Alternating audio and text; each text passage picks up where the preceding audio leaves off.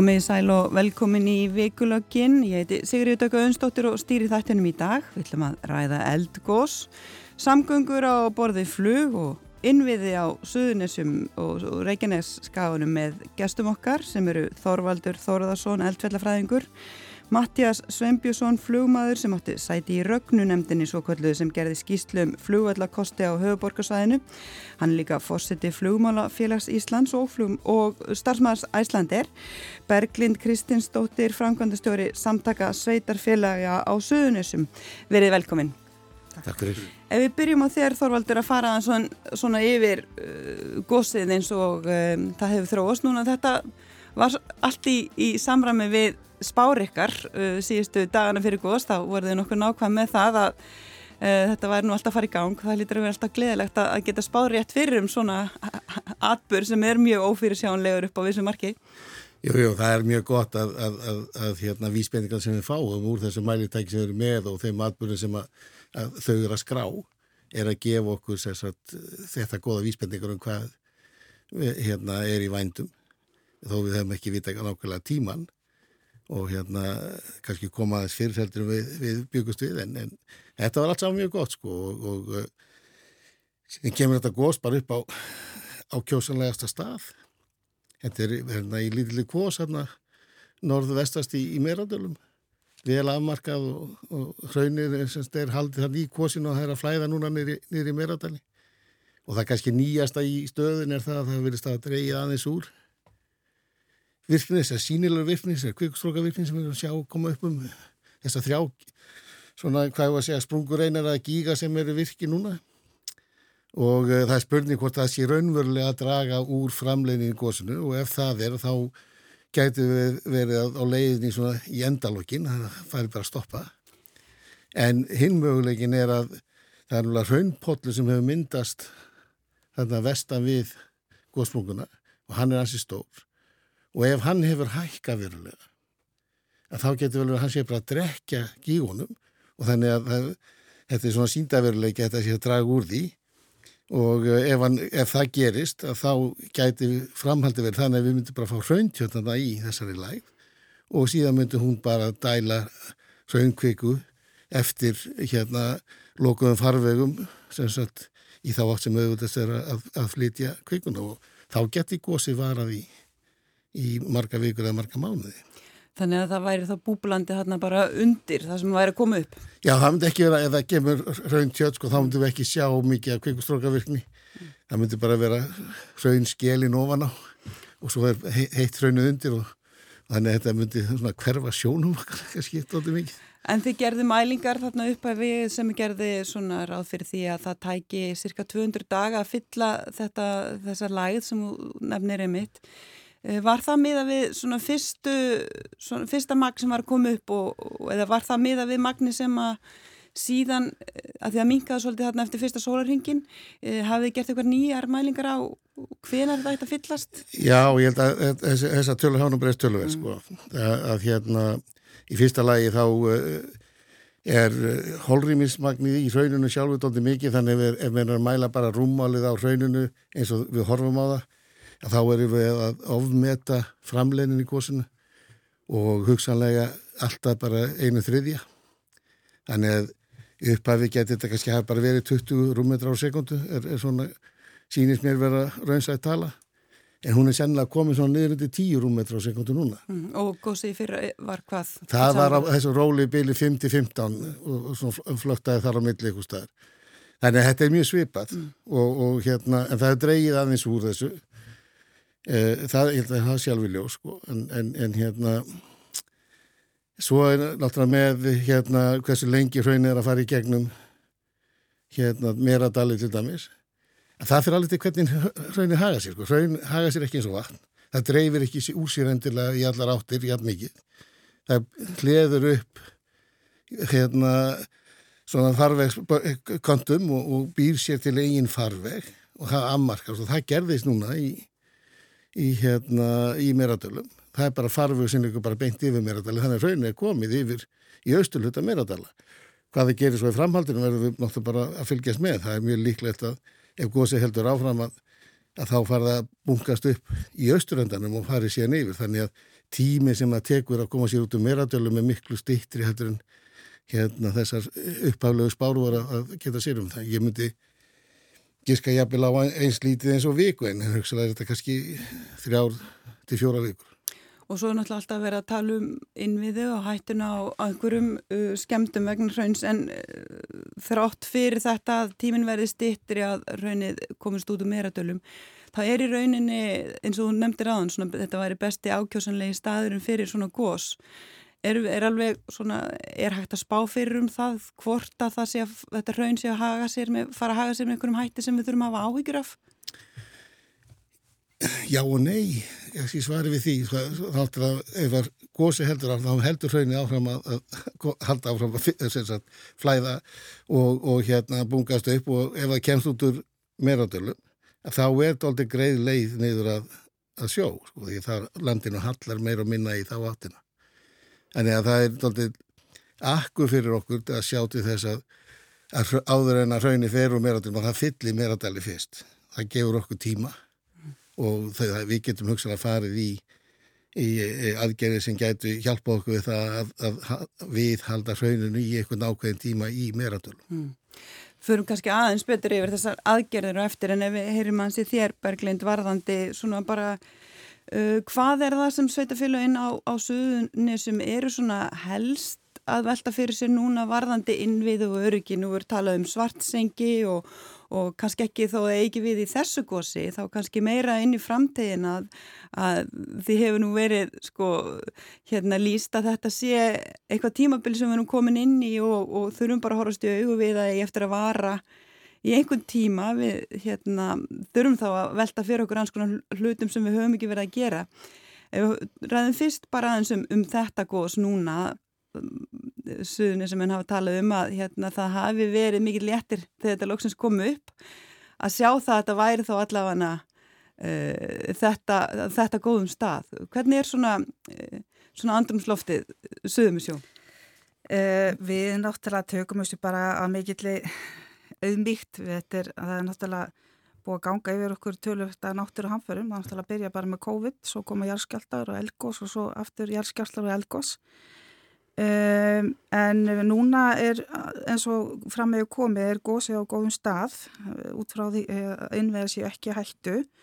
Uh, okkar helsta verkefni núna er bara að tryggja öryggi almenning sem að ferum svæðið og að koma réttum upplýsingum til aðela og hafa svona ábyrga upplýsingamiðlun nú svo er náttúrulega gasmengun sem að, að hérna liggur þá yfir sveitafélaginu eða þá við góðstöðunar og við mælum þá og reynum að koma því þá áfram til þeirra sem eiga leið með svæðið. En til lengri tíma liti þá þurfum við að huga að til dæmis við erum með vassból okkur sögum sem hann er í lágum. Uh, við höfum uh, verið að skoða það að fá aðgangað og vatni annar starf, það er ekki gengið mjög vel. Við höfum oft í löngu samtali við landegendur um það Ef útskriðans betur fyrir þá sem ekki þekkja til lágar, hvar er það í samræm? E, það er í rauninni ekki sérstaklega góð, það er sérstaklega að keiri frá Grindavík og, og upp á Reykjanesbreyt þá er það vinstra með við veginn mm. þannig að hérna ég er ekki að segja að það geti gæst að það myndi spillast eh, núna á morgun en það er svona við þurfum að hafa allavega eitthvað plan B nú svo erum við með virkjani náttúrulega í Svarsingi og út á Reykjanesi og það er bara mikið vekt að halda því og bara gera grein fyrir því að það er sérst úr þessum tveimu virkjunum eru 180 megawatt að framlegsla og það er ekki bara sem að vera framlega fyrir okkur íbú á suðunni sem heldur bara að ferða inn á landsnetið. Þannig að við þurfum líka að hugsa bara hvernig við hérna, getum tryggt uh, að þessir innvegar klætist ekki og mér finnst það stundum gleymast í umræðinu sem búið að vera undafarið það er verið að tala um alltaf flugvöllin en á þessum stað sem við búum á eru 30.000 íbúar og fyrirtæki. Þannig að það skiptir margt meira máli heldur en bara flugvallir það er náttúrulega bara eigur fólks og atvinna og líf. Mm. og mér finnst bara, svo ég hrós einhverju líka, mér finnst bara íbúar á svæðinu hafa verið ótrúlega rólir og tekið þess að miklu aðeinslu leysi. Og hvað uh, finnst þér og finnst uh, fólki sem ræðir þessar hluti e, þannig við frá að, að við eigum að vera að gera núna það sem við erum ekki að gera. Erum við að undurbóku nógu vel inn í framtíðana fyrir eitthvað sem að mögulega geti gerst eða, eða ekki? En þú nefnir vassbólinn og, og, og virkjanir. Já. Um, hva, hver, hver er staðan til dæmis á því að, að, að gera áallanir um plan B eins og þú segir? Sko við erum, öll sveitufölun eru búin að vinna hérna rýmingar áallanir fyrir sig og sína stofnanir og hérna við náttúrulega tókum það bara upp á skuffunum frá því fyrir að gósi en eh, almannavarna nefnd ríkislugustjóra hefur sett á stað vinnu við greiningu á þetta ávalla þúlu sveitafél á Íslandi og við erum byrjuð að vinna það og þá er einmitt verið að skoða þessa hluti. Hvað eru helstu áhættu sem að e, gæti orðið í okkar sveitafélagi um, þetta er bara ný staði sem við stöndum kannski fram í fyrir og uh, við erum ekkert alveg að hérna, missa kúlið við þessu, við bara vinnum þetta faglega og rólega og hérna munum vantilega að komast að niður stöð en svo náttúrulega svo við vitum þá er náttúrulega bara ódreknaleg og þetta geti bara verið búið núna. Uh, Keflauguflúður til dæmis stendur bara á bergi sem er hvað eldri en 10-14.000 ára held ég. Það sé ekki svona, já það er kannski umdilt. Já, Gæti verið alltaf 100.000 ára. Já, Njarvíkur heiðin, sérst við vogar er 100.000 ára gammal berg, þannig að þetta er ekki eitthvað sem er að gerast bara annarku dag, sko. Mm. Hver er hættan þorvaldi varandi uh, þennan flugvöld? Það er engin hætt á, eins og við talum að, að neikko gerist nákvæmlega þar, hættan fælst fyrst og fremst í því að hann lókist inni. Já, já, það er alltaf eins og, eins og komið að hérna uh, og benda á, sko, það er, það er margt annað sem þarf að huga líka og það eru margir innviðir sem eru í, í hættu og, og, og eru miklu bráðar í hættu heldur en flugvöldur en þannig séð. Mm. Og þá helst þessi eins og verður tala um sko virkjunarkostir og, og, og samgöngur? Vassleislur, heita vassleislur, tryggja það að, að, að það sé þess að bæði ramagn og, og hita vita á svæðinu. Mm. Það er þetta, við þurfum að huga þessu, hvað við, hvað við getum gert þess að, að draga úr þeirri hættu sem stafar af eldgóðsum og gætu trublað að þessar veitur.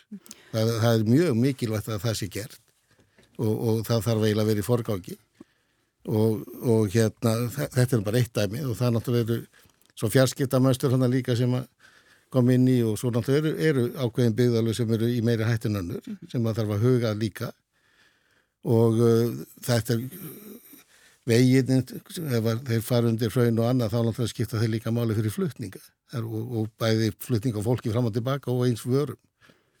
Og, og þess að það, þannig að það, þetta er þetta er þóttið stórt dæmi. Mm. en hvað flugvöldin var að þá náttúrulega held ég að sé fyrst og fremst hættan er svo að, að ef við fáum eldgós þar sem að, að hraun tekur af báða hérna vegina, söðustranda veg og keflagu og það getur gerst, þá kannski líkundin sé ekki miklar, þá getur það gerst því að það hefur gerst áður. Og hvena var það? þá, þá voru vegitin ekki til. Já, og það var, það var hérna í, á, á 12. öld. Mm. Og það var ekki lengra síðan en það? Nei, nei, mm. og það er það er svo kallaði krísvíkur eldar. Mm. Og þeir byggur til hraun sem heitir Kapiturhraun sem fótti sjáar rétt vestan við Hafnarfjörð. Og þeir byggur líka til Augmundarhraun sem fótti sjáar á, á, á, hérna, á Suðuströndinni þarna við gamla kvísvíkubæin og fór yfir gamla kvísvíkubæin þannig að reynslan segir okkur það að, að, að, að sagan endur tekur sér oft mm. þannig að þetta, þetta getur gerst mm. en ég er ekki að segja að þetta sé eitthvað sem er að gerast á morgunu annað en spurningin líka svo fyrir okkur hvað áhættu viljum við taka mm. Mattias, þú sast í, í rögnunemdini svo kulluðu sem að skilaði skýslu um flugöldlakostu höfuborgarsvæðinu þegar var verið að ræðum það og, og þessi eh, umræðan endalösa um, um Reykjavíkuflugöld og, og, og svona hvert væri hægt að færa flug og Og niðurstöðan ykkar var eins og mikið hefur rætt um núna í tengslum við þetta uh, framhaldsgóðs, ef við köllum það, að hvassa raun sem að þið mæltu með það sé í raun og veru kannski ekki möguleg, eh, mögulegur kostur með þá, það, það, sko, þá sviðsmynd sem nú er komin upp. Hún var náttúrulega blast ekki við eins og það var talað um í þessar skýslu að það væri ólíklegt að væri að fara að gjósa þarna á næstu 200 árum eða hvað sem þið sögðuð. Hver, hver er í rauninni staðan á þessari vinnu núna, e, þessir aðrir kostir, hversu físilegir voru þér? Já, ég, kannski til þess að byrja með að leiðri þetta, kannski það að mann heldu að niðurstaða rögnendarinn hefði verið að það veri rétt með núverandi skipla að flytja alla starfsemi eða byggjum flugulli í kvassarhunni í rauninu verkefnin endurinn að vara að kanna aðra valkosti heldur en uh, núvanandi valkosti í Keflavík og, og Reykjavík og aðalega þannig að innlandsflugi í, í Reykjavík. Þannig að við vorum í rauninu ekki taka afstöðu til þess hvort að vera skynslegt að vera með flugull í, í Vasmýrinni. Um, uh, þá eru skoðað fjölmarkir kostir, ég held að það bara vera, vera á þriðja tug uh, flugvætastæðar sem voru konnuð og það var svona hægt og bítandi skori niður, það var samráðsópur hérna sem að komu aðalur að færa þjónustunni og flugrækstri og það voru margir aðli sem komi að, að þeirri vinnu. Og að endan voru það fimm uh, kosti sem voru kannæðir uh, var ákveða kannar frekar. Og það var út frá uh, náttúruvá, veðufari, flugi, bara flugtæknilegum þáttum og, og fleira og eftir að hafa skoðað þessa fimm valkosti að þá var það á endanum að, að kvassarhaun var lagt fram og sagt þetta er staði sem að stennstu próf sem við erum lögðum fyrir þessa, þessa staði og það er rétt að kannaða frekar. Öfur yfir manns upp þá voru það flugvöldur á Bessastæðanissi, Launguskerjum uh, á Hólmseiði, auk þess sem að er þá aukin, aukin umsvefi í, í Vassmýrinni sem er skoðið. Já, það voru, já, það voru, það voru reyni skoðar fjóra mismöndi útvarslur á legu brauta í, á Reykjavík-hlutli til þess að reyna að auka þá landrými fyrir, fyrir íbúðabið uh, og síðan var þá, já, uh, Hólmseiði, uh, Launguskerj, Bessastæðanis og síðan Kvassarhund Eh, þessir eh, hínir valkostir raunni voru ekki taldir álitlegir af ragnaröndinni og mm. eins og segi við hefum lagt til fleirin eitt valkost ef það hefði verið í bóði mm.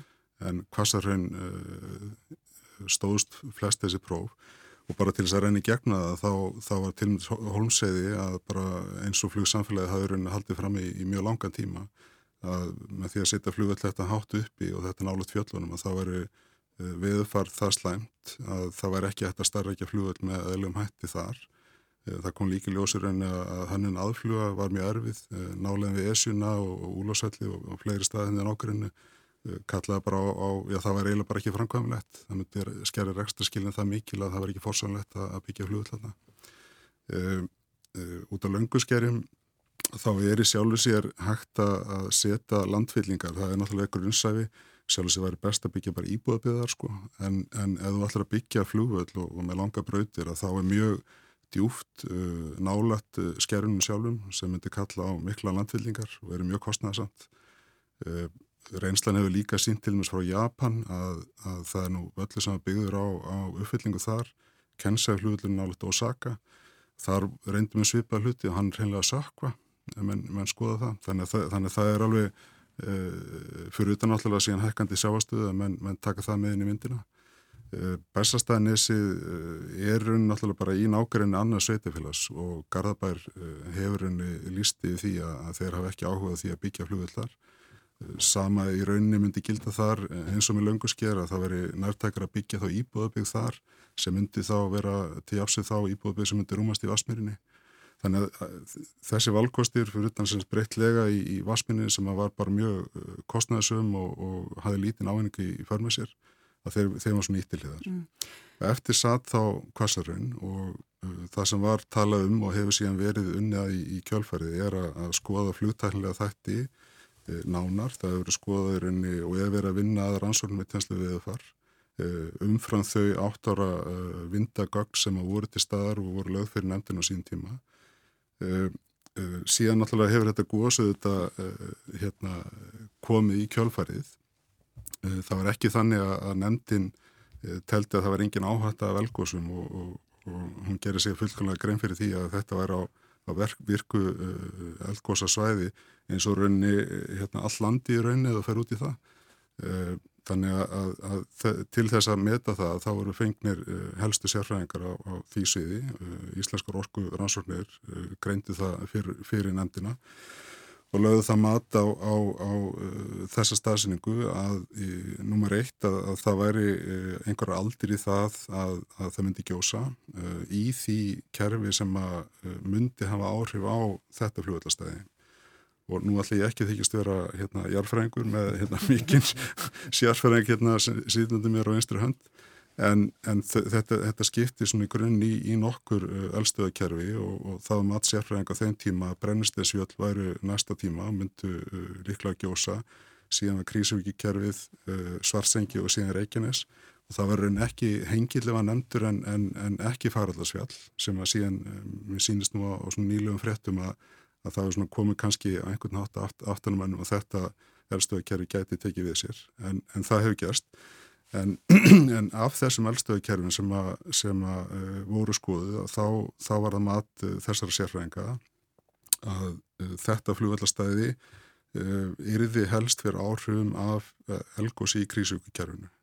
Þannig að það ertu gjósa ákveðinu stað til þess að hraunum myndi renna þarna niður eftir og í rauninni staðsynning vallarins var uh, með þeim hætti að hún, hún, hún er aðeins ofar þannig að þeir töldur að þetta myndi renna það mögulega framhjá uh, þessu flugvallastæði en þetta var, þetta var alveg sérfrækka þess tíma og ég held að segja alveg ljóst og, og ég menn við erum að horfa á þetta í benni útsendingu á veðmiðlum að, að það er eitthvað annað í gangi. Þannig að auðvitað þurfum að endum þetta stöðuna og, og, skoða þá.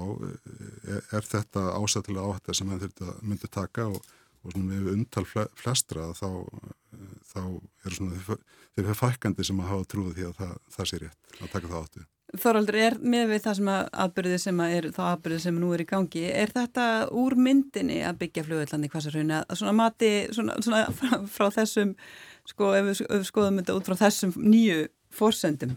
Það er ná ekki mitt að segja það, Nei. hvort það sé í, í eða, eða úr mynd Móti, og þetta er alltaf spurningu hvaða áhættu hérna, þeir sem að taka ákvarðanar eru tilbúin til þess að taka og, og menn reyna að meta þess áhættu en ég held að þessi sviðisminn sem var minnst á hérna áðan og, og, og nótið til grundvallar fyrir nýðstöðu skýslunar að hún hefur breyst. Mm. Það er ekkert sem segir okkur að, að, í dag endilega að, að að góð spyrji í brennistilfjöldum og færi sér vesturættir þetta, e, þessi svona e, hugmynd hún er e, kannski stendur á veikari fótum í dag heldur hún gerði áður. Og það er alveg ljóst að, ljóst að það getur góðsir raun og vera á hvaða kerfi á Reykjanes skaganum sem er. Það bara kannski bara hendi sem ég hérna, þessum stjórnar hann að niðri hvað hva er gí sko? En og það getur alveg góðs á kvísuvíkukerfinu þess vegna eftir einhverja mánuði ári eða ára tíu og uh, ef að það gerist þá er sko það sem við kannski þurfum líka að hugsa um og, og svo kom fram í fjölmjölum fyrir vikunni að þetta er yfirlt eldar. Og, og þegar kerfi sagt, þegar Reykjanes skæin fyrir í gang þá eru við konið inn í eldgósa tímabil og þau eru nokkur hundruð ár. Og síðan þegar hvert kerfi fer að staða þá eru eldar, það er alveg nokkur gós á, á í þessum eldum sko, á þá kerfinu. Og það getur gósið eftir endurlöngu kerfinu. Það er, og það er ekkit fyrirfram ákveði hvar góstaðurinn er og kannski ákveðinir staðir sér líklega en aðrir og einstaklega hvert hraunir ennur er líka það er líklega að fara í ákveðin áttur endur en aðra bara út frá landslægi en, en við þurfum bara að skoða þetta aftur og það, það bara endur með þetta þessa stöð og síðan það er þeir sem hafa valdið þetta að, að, að setjast niður og, og, og hérna meta það hvort að áhættan sé þessu yrði eða, eða ekki. Mm.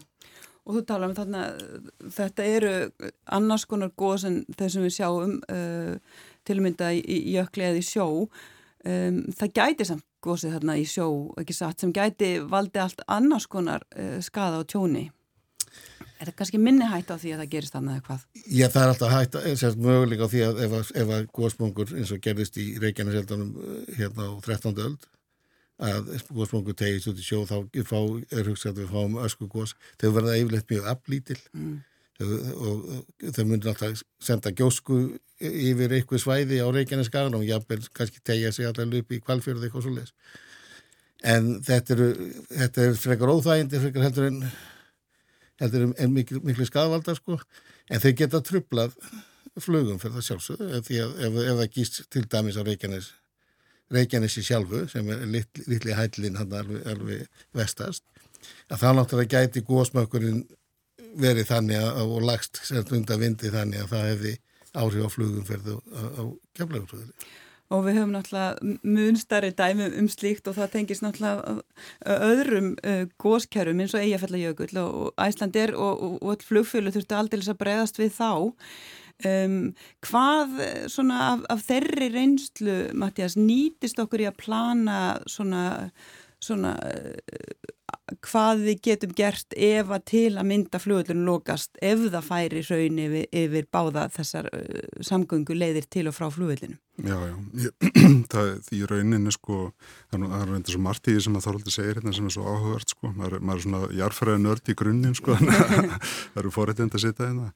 en, en sko, og, og anskast til þess að bæta við það sem hann einmitt hefur nefna, ég held að það sé mjög áhugavert og, og, og gott að sjá að menn er að læra á þessu gósi, menn er að sjá veist, hvað er hægt að gera, menn verið að prófa varnagarða, menn er að sjá hvernig, hversu langt varminn leiði niður og skemmir línur og þess að þar og síðan sjáum við vantilega á þessu nýjana gæslappa hrauni í geldingadölum hvaða kólnar hratt þó að þið sjálfsagt viti það, hvað er hægt að gera þeim stað eftir hversu langan tíma menn er að byggja í, í hérna, Vestmæni í Móna á Eldfjalli sem er bara til til að nýla það er einhverja sekundu síðan það brauðs á jarfræðilegum hérna, tímaskala.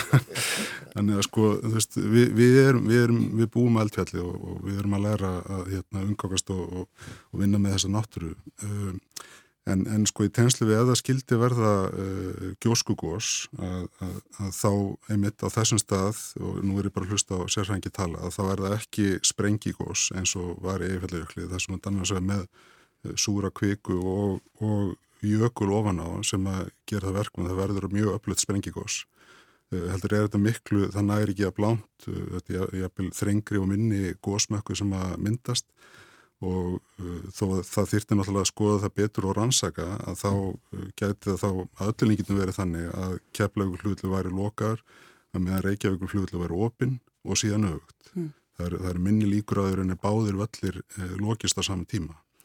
Um, það var öðruvísi vegna þess að þegar það kom uh, austanátt þá er einu komin með gósmækin eða báða velli þeir eru í bytni skotlínu frá Eifjallökli og mörgum af þeim elstuðum sem eru, eru virkar, Hekla og e, Grímsvötn og, og Barðabunga og Askja og fleiri, fleiri eldfjöld sem myndi valda því að þessi báði velli myndi lokast. En, en gjóskugós á, á reikinu sem myndi hafa öllinni getum minni áhrif og það eru dæmið þess að, að, að, hérna, að það eru fljóðli sem eru starrækti bara í næstan ágreinu við virkar eldstöðar e, í Japan e, Ítalíu. Uh, og þar sem það fylgjast bara mjög náðu með því hvað er að gerast uh, á, á hverjum tíma og gefa út viðvarni bara uh, það sé ekki að lenda núna eða, eða bara eins og veður, það, það skellur á veður og mann get ekki, ekki lend en, e, en ef að, e, aftur móti segjum að báðir vellir myndur lokast að þá mynd var líklega greipið til svipar aðgjör eins og, eins og að gert á sín tíma í eigifællíkusgósinu sem er reyndar þannig bara verið að kenna það sem viðbrað við hérna krísum eh, í háskólum elendis eh, með hvað hætti eh, það bröðist í þar. Það sem að tengi miðstöðun á keflaugulhullu var bara hreinlega flutt til Glasgow og mann er svona alveg gáttaðrið því rauninni hvernig þetta var hægt að flytja alltaf þessi fljósta sem með þetta stuttin fyrir ára á, á nýjan stað. En það var gert, þannig að tengi miðstöðun uh, semst frá uh, bandaríkjunum til Európu var flutt til Glasgow og síðan var rauninni farþjónum flógi frá Glasgow sem voru leiðin til landsins og, og þeim sem voru leiðin út til Glasgow til þess að geta haldið áfram. Uh, ef eitthvað svipa myndi gerast aftur að þá þyrtir hún að öllir í getum að virkja svipa aðgjara, aðgjara plan en ég held að segja alveg ljóst að, að þeir innviði sem eru til staðar uh, á Akureyri og Eilstöðum í dag og ég er ekki að tala um flugstöðar og ég er ekki að tala um, um, um uh, salsaðstöðin eitt þess að það þetta er bara flugbröðir og bara geta komið vélunum á jörðina að uh, það þarf að bæta til þess að við getum gert endur tekið leikin vegna þess að starfsemi sem var 2010 þegar þetta var er, er bara hluti að því uh, helmingurinn kannski að því sem við erum með í dag og auðvitað stefnum á það að, að eflast en frekar og vera með starfsemina meiri. Þannig að við þurfum að, við þurfum að styrkja þessu svona innviði og þetta var fljóðalli kerfi til þess að maður geti tekið við þessum vélum þegar uh, þessar aðstæðu skapast. Og þá er raunin ekkit bara við um elgóseldi líka bara viður og, og þess að við erum, við erum því miður komend aldrei langt eftir í tenslu við þá hluti. Og, en, en síðan eins og segja það, það er alltaf hægt að setja upp bráðabæra búna það er alltaf hægt að setja upp uh, uh, uh plás fyrir, fyrir farþega til til litlum tilkostnaði og litlum fyrirvara. Og þannig verður hægt að flytja þessa starfsemi á þessa staði ef það, það skildi gerast Og jáfnvel þá miður við þann fjölda farþegar sem eru að koma til landsins í dag vegna þess að fyrir tíu árum uh, voru við bara í brotabróti af þeim uh, ferðamanna, uh, þeirri ferðamanna búblu sem við erum í núna. uh, þó að svo þegar hafi geta ferðað, uh, ferjað þá sem hinga vildi koma frá ykkar tengistöð sem var flutt til Skotlands. Mm -hmm. Þetta væri bara nánast útilökað að gera í dag, ekki satt? Jú, ég, það, það, er ekki, það er ekki hægt, það er bara stuttasvarið. En, en það, það er fyrst og fremst að fjöldi flugvila sem þyrta að koma að, að það er bara hennilega ekki plásfyrir vélanar eins og eilstaflugli, það bara er ekki plásfyrir vélar þar. Uh, það er náttúrulega heilmikið gangi á akkurir, það er verið að, að bæti á flughlaði þar, þannig að það verið plásfyrir fleiri vélar. Það var í raun ákjásalegt að, vera með axtusveg þar sem vélar getur ræðað sér upp, uh, þannig að, að það verið hægt að koma fleiri vélum nýður uh, ef, ef bara undir. En, en eins og segja, eilstæðir hafa daldið setið eftir og það er eiginlega orðið daldið aðkandlatið að menn, menn breyðist í og gera eitthvað á, á þeim vetti til þess að geta tekið tekið við þeirri flugstarfsemi sem er á kjapleikuhluti í dag eiginlega sko fyrir utan það að það skildi gjósa og, og þetta myndi valda andræðum þarna reykjum sig. Berglind, umræðan eins og nefndir aðan hefur svolítið snúist um, um flugvöllin en eins og þú segir líka það eru aðri hluti sem við þurfum að hugsa um og, og innviðir og annað. Og við erum að tala um sko tjóni sem að gæti orða því ef að báðir, báðar samgöngu leiðir til og frá keflaug myndu lokast Uh, tjónu fyrir ferðarþjónustun og annað. En, en svo er þetta eins og þú segir fólk, þetta er íbúar, þetta er fólk sem býr þarna. Mm -hmm. hvernig er svona umræðin um það að, að svona uh, er, finnst fólki að það sé nógu vel verið að gæta að svona þeirra öryggi og hagsmunum eða eru aðrir hagsmunir þarna sem að fólki finnst vera svona ráðandi í umræðinu eh, eins og kannski komin á áðan þá finnst mér bara íbúar sko hafa tekið þessu svo miklu aðrileysi að við bara Við vitum það að náttúrulega búið að gera rýma gráðlun og við getum alltaf haft mögulegan að fara rýma svæði sjóleðina mm. En uh, þú, það verður ekkit óbyggilegt þarna, við getum ekki, þú veist, þó svo að það, við, við erum bara að læra að búa þá við þar aðstæði sem skapast. En það má hins vegar ekki hérna gleima því að flúvöllunum spilar mjög stort uh, hlutverk í atvinnutekjum á svæðinu. Það eru alltaf 47% atvinnutekjum uh, á svæðinu eru sérst frá flúvöllunum þannig að það, hann skiptur okkur mála og við sjáum bara breytingarna sem að urðu frá 98 til 2005 þegar að flugullinu var svona meira notaður í, í, í hérna, hernaðilegum tilgangi heldur þetta væri í, í almenningsnotkun. Uh, þá var svona hafústur á svæðinu um og, og í kringu 2% þannig uppsefnaður hérna, efnaðislega vöxtur frá 98 til 2005 var um 15,5% breytingin sem við sjáum svo frá árið 2012 til 2020 og þá er ég að tala um það er COVID þannig inn í því og, og eitt stykki gós að þá verður hagvöxtur hjá okkur um 75% og ég meina þetta bara í skýrslinn byggðastofnarnir er að tala um efnaðsundri söðunis mm. þannig að þetta er bara þetta er bæði okkar heimili og okkar vinna og hérna og við bara Við náttúrulega höfum bara trúaði þó að heyrist ekki oft en ég myna að, að það sé verið að hugsa um okkur og með okkur í þessum málum. Og við sjáum núna eins og við töluðum að sem án að það, er smá léttir yfir því að þetta góðsar að koma upp á besta mögulega stað og eins mikil svona mikil túristakóð sem að geta talað um það fyrir utan gasmengunan sem þú nefndir á þann um, þið hafið séð bara svona kipi í starfsemi í tengda flugvellinum og ferðarþjónustunni bara nú þegar ekki satt? Jú, ég hérna, var nú bara heitapottur um að heyrða að tala tvækja starfsmanna bílalegu sem að sögum það að hérna daginn sem að byrja að gjósa þá voru 50 bílar bókaður út, þetta er bara einn bílalega. Daginn eftir voru 257 en við erum líka bara með fína tölfræði frá því í mars uh, 2021 til 30. september, þá tóku við bara að það voru byrtar sagt, uh, 61.000 frettir af, af gósunni hjá okkur. Þeim var deilt 680.000 sinnum á samfélagsmiðlum og fjöldi lesenda um heiminu eru taldni vera 176 miljardar. Þannig að hérna, við báðum ferðarmálastofum að leggja svona mat á hvaða svona umfjöldin hefði kostaði við um kiftana og það var útreiknað að þetta hefði kostað litla 48,5 miljardar íslenska króna. Þannig að þetta fengum við svona í gjöf en þetta hefur líka verið mjög mikið álega öllu okkar hérna starfsfólki, hvort sem það er hjá mér eða í sveitafélunum Þetta er áskurn að takast á við og bara breytingar á samfélagsmiðlunum eins og hjá okkur hérna Visit Reykjanes. E, það eru svona jafnaði 2000 heimsóknur í dag. Eftir hátíði byrjaði að gjósa þá fór það upp í 8000. Við erum að sjá þær aukningu bara um, hérna, það var aukning hvað á 1000 og 6000% fylgjendum á þessari síðu. Þannig að jújú, jú, þetta var, þetta er allan að koma okkur inn á kortið og það er líka það að við erum í sérst nágræni við fljóðall og það eru svona, fyrir að ferða þjónustuna þá er það þannig að íbúar lenda og fari, eða sérst farþegar lenda og fari í burtu. Þeir eru kannski ekki að gista hjá okkur eða skoða svæðið en það var mikil breyting á eftir gósið. Allt í hennu uh, í konun ferðarmálastöðu landamærakonun komið ljósa uh, 79% farþegar hafði farið um Reykjanesi sem var mjög mikil aukningi held að verið um 50% áður og sömulegis voru 41% farþegar sem að gistu á svæðinu.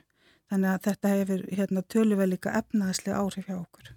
Svo er annað sem hún nefndi líka á þann, það er svona öryggi þeirra sem er að fara um svæði. Þeir eru miklu samstarfi við bæðibjörgunusveitirnar á, á staðnum og, og svona reyna að tryggja eins mikið öryggi og hægt er nú búið að stika þessa nýju leið. Mm -hmm. Svona hversu miklu ágjör af, hafið þið af því að, að fólk sé að fara að nýtla búið og eins og talum sko fólk beinta flugveilunum og, og fari gangað góðsunu sem að hefur í rauninni ekki hugmyndum svona hversu erfi ganga eða krefjandi Já. það er. Svona, hvert er svona ykkar hlutverki að upplýsa ferðamennu og hver ætti í rauninni að, að hafa þá ábyrð á sínum herðum? Sko Björgunarsveitinar hafa tekið það hlutverk að sér hérna mjög vel og en þarna er náttúrulega samt um sjálfbóðlega starf og það er ekki eftir að ætla til þess að fólk sé tilbúið að standa hérna út í marga mánuði. Eh, við höfum eh, og fengum í fyrra landvöslu frá umhverfisráðunitunni þáverandi og það er mikið völd að halda því áfram og svo er þetta bara að koma fréttum og hérna uppfræða fólk. Við, við höfum líka verið að uh, vinna því að koma upp upplýsinga miðstöð og gestastofu í, í Grindavík því að uh, Reykjaneskægin hann tilheyrir, uh, sérst, við erum vottaður UNESCO Geopark, einn af tveimur hinn á Íslandi. Þannig að þetta er bara að, að það er að fræða og, og koma réttum upplýsingum og já, ég tek undir það, fólk er að koma úr flugi illa sofið, illa klætt og leggja í hérna, erfiða gungu. Þetta er 7 km hvora leið og hérna, torfær. Ég hafði bara ónestað og eins og einhver sagði nægar ekki alltaf máli, það er bara illa klætt. en ef við förum aðeins inn á Þorvaldur þessum ætluðum að svona kannski uh, fara hans dýbra í þessar aðgerði sem hægt er að grýpa til ef og, eða, þegar og ef til þess kemur ef að ef einhver mannverki og, og, og svona innverið er í hættu. Nú nefndi Mattias tilmyndi það sem við lærðum af síðasta gósi í fyrra og svona þær tilraunir sem að voru gerðar þá. Hvað hefur svona komið út úr þeim svona tilraunum varðandi hvað gengur? Við reyndum þessa varnargarða, þeir dögðu upp á vissu marki, hvað lærðu af þeim? Við lærðum mjög mikið af þessu. Er, sko, þetta er alltaf eins og er búið að koma hérna fram og ég verði eiginlega að segja að sko, þetta er svo margt þætt og áhrifin af gósinu tegja sig, er svona einu svona gósi tegja sig í, í ótrúlega margar áttir og, og hefur ángað sína inn á ímisvið og við þurfum að huga þeim öllum. Þannig að það er, er stórt og mikið verkefni og, og við þurfum að einhvern veginn að að finna flöta því að taka, taka vel utan um þetta allt saman og gera þetta vel.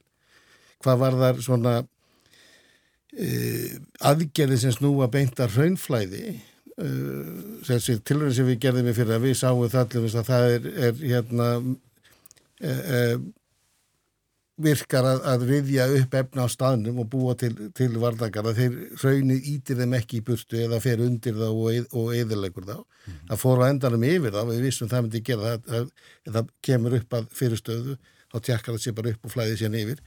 En garðarnir stóðu sem, sem er góðsviti mm -hmm. og eins með leiðagarðin sem var gerður til að stoppa nýri flæði nýri náttagakrika, hann virkaði Þannig að svona leiðagarða það er hægt að nýta þá til þess að stýra flæðinu þá á svæði sem við frekar að fara undir fröyn og reyna að koma í þá kannski eins fljótt eins og hægt er í sjófram. Mm -hmm. uh, ef að það dögur ekki til þess að, að, að, að hérna, berga þeim innviðu sem okkur finnst uh, nöðsynlegt að hafa, þá getum við kannski líka að fara í kannski pínulega nýsköpun og, og hugsa kannski svona aðeins stærra út fyrir ramman og til dæmis eins og hefur komið fram og verið stungið upp að að setja brú fyrir hraunið yfir veginn þannig að þú raun og verið býð til göngi gegnum hraunið sem læði það bara að flæða yfir brúna og þá ertu komið göngi gegnum hraunið þá getur haldið það sem að keira vitum við hvort þetta virkar, hvort þetta sé allt saman hægt? Nei, en við, við þurfum þá náttúrulega bara fjármagnar rannsókn til þess að gera að kanna það hvort þetta geti gengið og ef það gengur þá erum við konum í lausn á, á ákveðnum málum mm. og þetta er bara eitt dæmi auðvitað getur við hugsað líka út fyrir ramanni á, á mörgum öðrum sviðum. Og sama gildur um vastleislur og, og jafnir ramaslínur og, og annað sko. Tilurinn sem við gerðum með hitam sína það náttúrulega að það tekur ekki í raunin langa tíma að, að hækka hitan hann í jarðveginn svo að jarðstrenginir eiga erfitt með að virka sko. Þetta er þetta sem við þurfum að taka til í til. Og við vorum búin að setja niður náttúrulega fullt af útbúnaði sem er hann en þá niður í jörðinni að því að hraunir held ekki áfram. Og það var alveg þess virði ef þetta góðseldur áhrif sem er núna að huga því að, að, hérna, að nota þann búnað allaveg sem hægt er og færa hann til og halda áfram þessu tilröðum það er að gefa okkur upplýsingar um hvernig hraunið hefur áhrif á ákveðna hluti og þá læri við meira og þá getum við líka brúðið spettu við. Og þarna eru svona ógnirnar fyrst og fremst tengdar hrauni eða hvað? Á Reykjaneskaga er, þetta eru fyrst og fyrst hraungós. Mm. Það er eitt og eitt svona öskugós eins og, eins og sást í, í þessum Reykjaneseldum á sínu tíma. En, en þetta er meir og minna hraungós gjóskufalli frekar lítið og þannig að það er, við þurfum að beina sjónum okkar fyrst og fremst að hraunflæðinu og, og reyna að læra eins mikið um hraunflæði eins og við mögulega getum og eins líka hvernig við getum þá farið í aðgerði sem draga úr áhrifum hraunflæðisins á bæði innviði og eins líka bara fólkið sem býr á sæðinu og, og, og, og hérna það er byggðið sem er það og ef við ef, ef við förum út í þetta þetta, er, þetta kostar alltaf ykkur pening að gera svona en ef við hugsaum þetta sem þess, þann kostnað sem við setjum í svona aðgerðir, rannsóknir og varnaraðgerðir og byrða sama við þann hugsanlega kostnað sem tekjutaf sem getur orðið af því að við gerum ekki neitt þá er þess, þessi hérna, aðgerðarkostnar hann hann er bara brotabrót af því sem hugsanlega getum tapað. Þannig að það ég held að það væri mjög góð fjárfesting. Mattias, þú nefndir að uh, Reykjavíkufljóðil var ein, einn af þeim kostum sem þið skoðuð og, og uppbygging þar. En frá því að þessi skísla kom út hefur um, svona í rauninni þverjuð gerst ekki uppbygging heldur svona þrengt að fljóðilunum búið að loka frugbrutum og annað uh, miða við völlin eins og hann er núna hversu nýtilegur er hann sem var að fljóðilur eins og er? Um, ég held, held í rauninni að að þetta góðsurinn, þessi svona, eh, já, þetta ástand sem er í gangi núna hafi raun og bara sínt það og sannað að Reykjavík-fljóðlur er gríðilega mikilvæg sem varufljóðlur og öryggisfljóðlur um, um, þó, þó að borgin því miður hafi gengið uh, að vellinum og þrengt að honum, uh, lokað heitli brauti eftir að þessi nefnd skiljaði sinni vinnu, það var gert í kjálfarið þrátt fyrir, fyrir lofurinn um það að, að, að þrengja ekki að vellinum eða, eða takmarka resturskilir vallarins. Um, og síðan núna semst að, að taka svæði í skerifærabið sem að menn vilja endilega fá hendir íbúið við mér finnst það sko algjörlega ótíðanvert að vera í einhvers konar þess að aðgerum og aðþrengingu að vellinum. Og í rauninni ef við ættum að vera að gera eitthvað þá ættum við að vera að ebla völlin enn fyrir ykkar það voru lofur í tensluðu það að, að fellinu er trí öskjuhliðinni sem hefur ekki verið staðið aðflúsljós inn á, á einu braut sem hafa ekki verið sett upp bara til þess að nefna einhver dæmi eins og segi, ég, völlurinn er, er mikilvægur og, og þessi atbyrður á síni það bara, hann er, hann er enþá mikilvægri heldur náður og við hefum bara efla völlin sem var hlull hann, hann er nær, nærtekasti völlurinn hjá okkur uh, með alla þessa íbúði næsta nákvæmni með, með aðgengi að, að að þeim innviðum og, og sérfræðingu sem, sem áþarf að halda ef að skapast einhverju neðarastöður að hann, hann er langt besti staðurinn og langt besti völlurinn í því hlutverki. Nú hefur skona verið nefnt uh, tilmynda uh, flugvellarstaðir uh, sem eru lengur frá Hóðuborg eða svæðinu sem að myndi þá vantanlega ekki nýtast sem um, Reykjavíkuflugvellur eins og til dæmis Mýratnar og svo Suðurlandi er svona ímis sveitafjölu sem er óskæfti því að þar verið byggður flugvellur þetta er náttúrulega gigantíst verkefni og tekur 10-15 ára byggja svona flugvell og, og kostar sko 100 miljardar er þetta bara einhver umræðar sem er að drepa málun og dreifi eða er þetta raunhæft að við séum fyrir alvöru að skoða það að byggja heila nýjan alþjóðaflugvel þó hann sé og sem nýtist þá jáfnvel ekki sem flugveldu fyrir reykvikinga? Ég, sko, mér er sjálfur sem finnst þetta ekki raunhægt og uh, í, í, í sjálfur sér uh, er keflagur hlutlur mjög langt frá höfuborgarsæðinu eða horfður bara á þetta í, í hérna, aðra borgir viðsvegurum heiminn, uh, höfuborgir annar staðar að þá er, er keflagur hans, hans gersu úr, það er engi völdlega jafn langt frá miðborg, höf, höfuborgar hvorki Európa neða bandaríkjunum uh, það sem kjæst næst er kannski Bromma, nei hérna Arlandasegi í Stokkólmi sem er samt stýttir frá miðbæði Stokkólms. Þannig að sko nú þegar eru við með millinandaflugi mjög langt frá miðborginni og hluta því sem var kannski hugmyndi með kvassarhraun var að geta fært alla starfseminn á eitt völl uh, þar sé bæði einlandsflugi og millinandaflugi nær borginni. En það ætla að fara að tala um einhvert flugvöll á Suðurlandi eða í, í, á Mýrónum uh, sem væri þá alhega flugvöllur það þurft ansi margt annað að breytast í þjófélaginu og búsetta þurft að breytast á, á sama tíma. Ég, ég, mér finnst þetta ekki raunhæft en hérna alltilega menn, menn skoður hlutina. En eins og segir, þetta er, þetta er svona meir einhvern veginn bara til þess að, að setja fókusna því sem við þurfum raunverulega að gera sem er að efla Reykjavík hlut og, og passa það að það sé ekki gengið en frekar á hann um, og síðan náttúrulega uh, úr því að staðan er eins og neður og þetta hefur dreyist þetta lengi að, að skoða kassarhund það eru uppbygging sem hefur uh, farið á stað á kjapleik hlutli sem hefur mögulega verið hægt að beina á annan stað fyrir kannski tíu árun síðan eitthvað þess að þar. Uh, við erum daldi búin að missa af lestinu þar. Uppbyggingin er að eiga sér stað á keflaugululli. Það er verið að byggja hann upp. Uh, þannig að ég, já, þetta er svona kannski svona uh, eins og ég sé þetta. Ég, ég held að le, leit að öðru flugallastæði fyrir Reykjavík það er búið að vinna því í fleiri ára tugi. Menn eru búinir að vera að, að hérna menn hafa raunverulega lagt sér fram eða reyna að finna löst þess að þetta ástand sem er Reykjavík er algjörlega ósættilegt fyrir alla starfsemi að vera í, í byggstuði í, áratígi og menn hafa lagt sér fram að reyna að finna aðra löstnir og aðra staði og uh, það er einhvern svona uh, kvassarhraun var kannski staðurinn sem var þá orðin þessi síðasti staður sem geti komið til greina. Og mínum að ef hann gengur ekki upp þá eru bara komin endastöð sem eru kannski svolítið vísbendingar um núna virðist manni vera allavega svona þegar maður tekur uh, orðpólítíkurinnar inn í svona síðustu daga það svona allavega virðist áhugin á því að að fara í sko svona einhverja meira átt að framkvæmdi þar vera að dvína þó svo við séum verið að tala um að þurfa að býða eftir þessari loka skýtlu frá hvað er að frákjöfa viðstofunni Já, ég það er nú búið að gera út þetta á hérna aðgóðsaf á, á Reykjanesu mm. og það var nokkur ár síðan því var lokið og það er alveg þetta að nýta sér það. Mm. það er, hérna, og hún er sagt, byrt í meistarir gerð upp í Háskóla Íslands og, og þau gögli ekki allt fyrir. Þannig það er alveg þetta að, að, að fara í, í hættumatið og endur skoða hættumatið nú þegar á, út frá þeim fórsöndu sem að, að það var gert. En eh, með að þetta skiptir líka máli hvaða tíma skal að vera um hugsun sko og annað eldgós á Reykjaneska geta líka tekið út suð, hérna, þjóðvega nr. 1 mm -hmm. og hérna, mjög öðvöldlega mm -hmm. Og hvar þá og hvernig?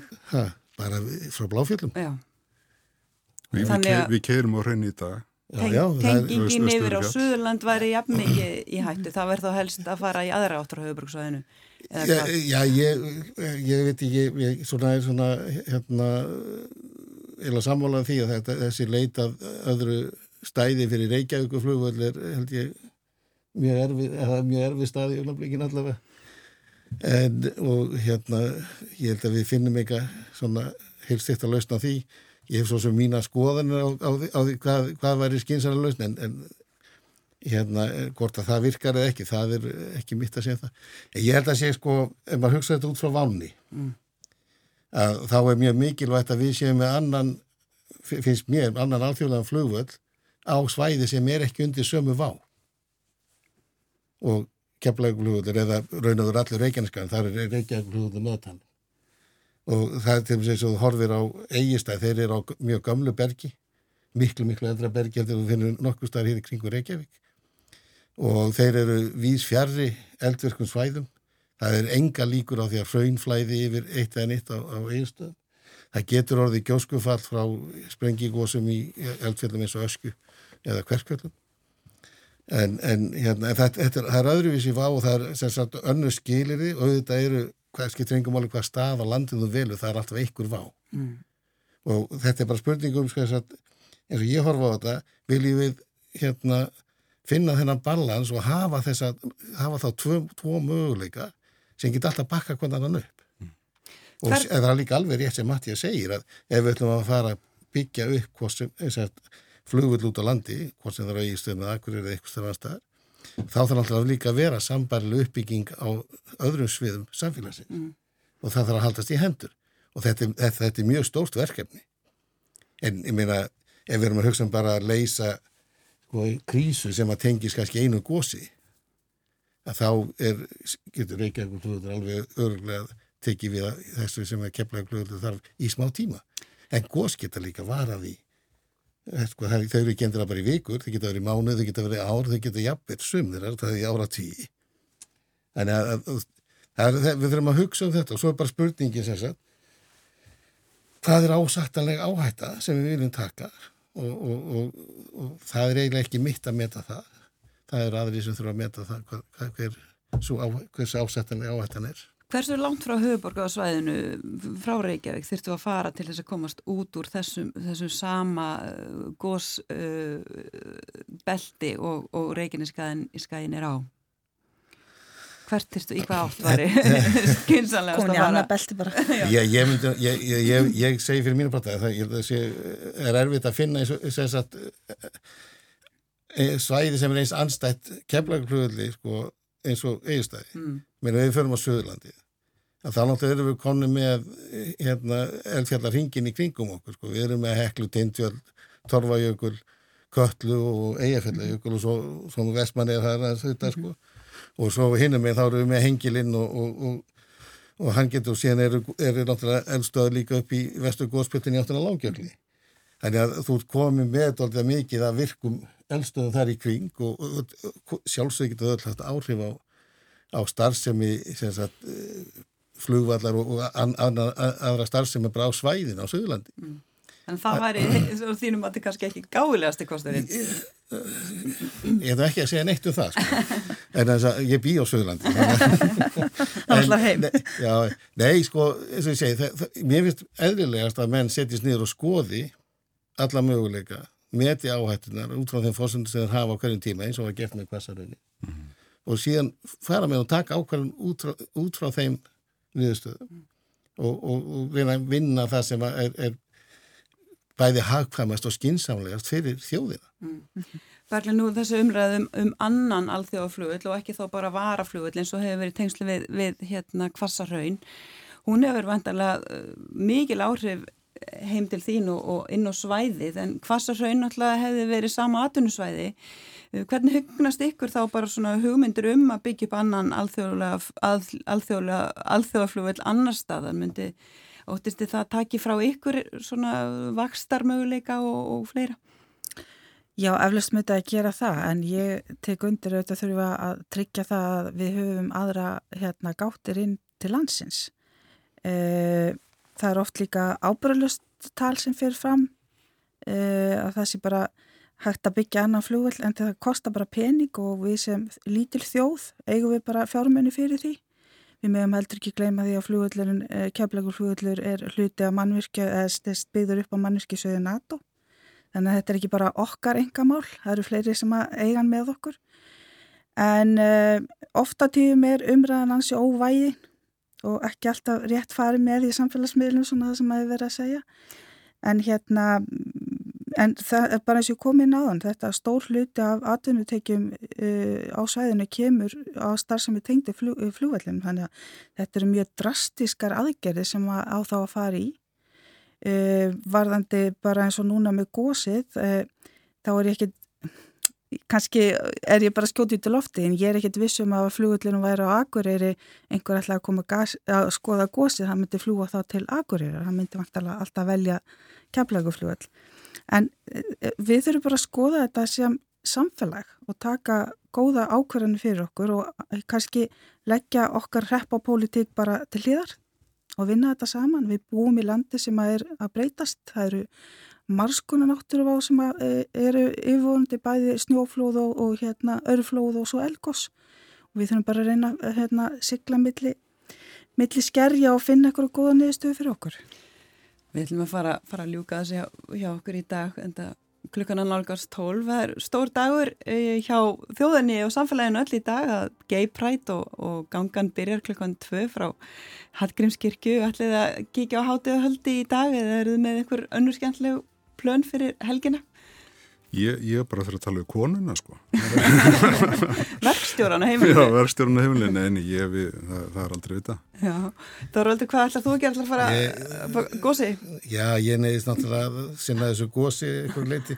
En ég er bara óska hérna, þeim til hamingi með daginn og, og, og ganguna.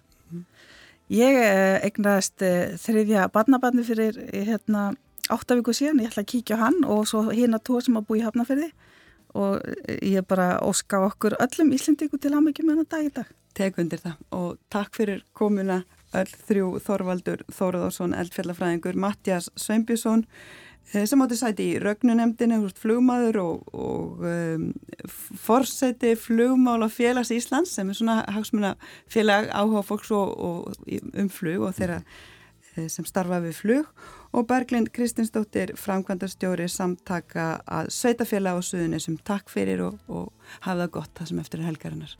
Takk fyrir. Takk fyrir.